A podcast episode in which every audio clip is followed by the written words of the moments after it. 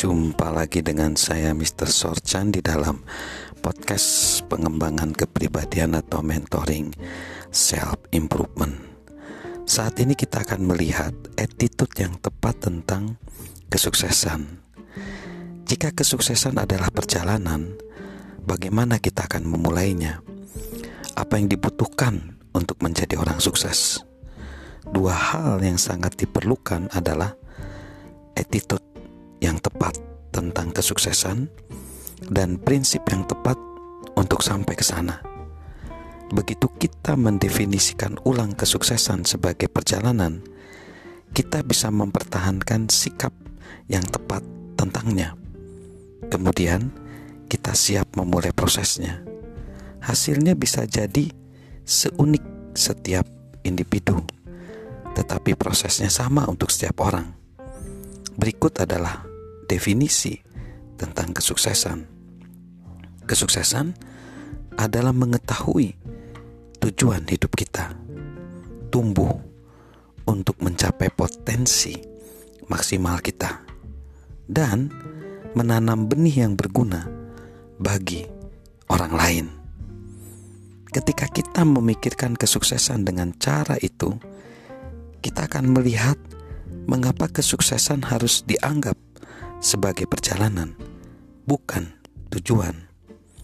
Tak peduli seberapa lama kita hidup atau memutuskan tindakan apa pun dalam hidup, kita tidak akan pernah kehabisan kemampuan untuk bertumbuh, mendekati potensi kita, atau kehabisan kesempatan untuk menolong orang lain.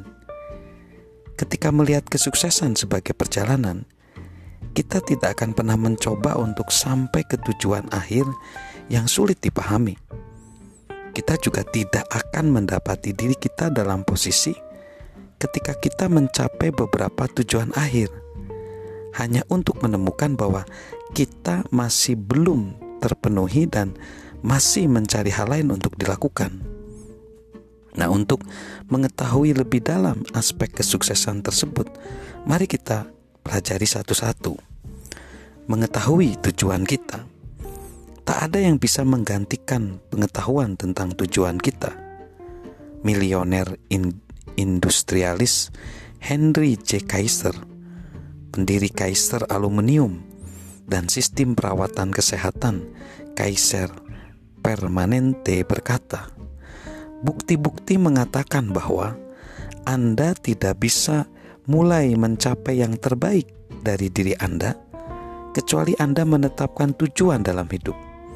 Atau dengan kata lain, jika Anda tidak menemukan tujuan Anda secara aktif, kemungkinan besar Anda akan menghabiskan hidup Anda untuk melakukan hal-hal yang salah. Saya yakin Tuhan menciptakan setiap orang untuk sebuah tujuan. Menurut psikolog Viktor Frank, setiap orang memiliki tujuan atau misi khusus dalam hidup. Setiap orang harus melakukan tugas konkret yang membutuhkan pemenuhan. Karena itulah, orang itu tidak bisa digantikan dan hidupnya tidak bisa diulang. Jadi, tugas setiap orang sama uniknya dengan kesempatan spesifiknya untuk mengimplementasikannya. Setiap kita memiliki tujuan penciptaan masing-masing, tanggung jawab kita, dan kegembiraan terbesar kita adalah mengidentifikasikannya. Berikut ini beberapa pertanyaan untuk diri sendiri yang bisa membantu mengidentifikasikan tujuan kita. Apa yang saya cari? Kita memiliki keinginan kuat yang tertanam dalam hati, sesuatu yang bicara kepada pikiran dan perasaan terdalam kita, sesuatu yang membuat jiwa kita bersemangat. Temukanlah itu. Mengapa saya diciptakan? Kita berbeda satu sama lain. Pikirkanlah gabungan kemampuan kita yang unik, sumber daya yang tersedia untuk kita, sejarah pribadi kita dan kesempatan di sekitar kita.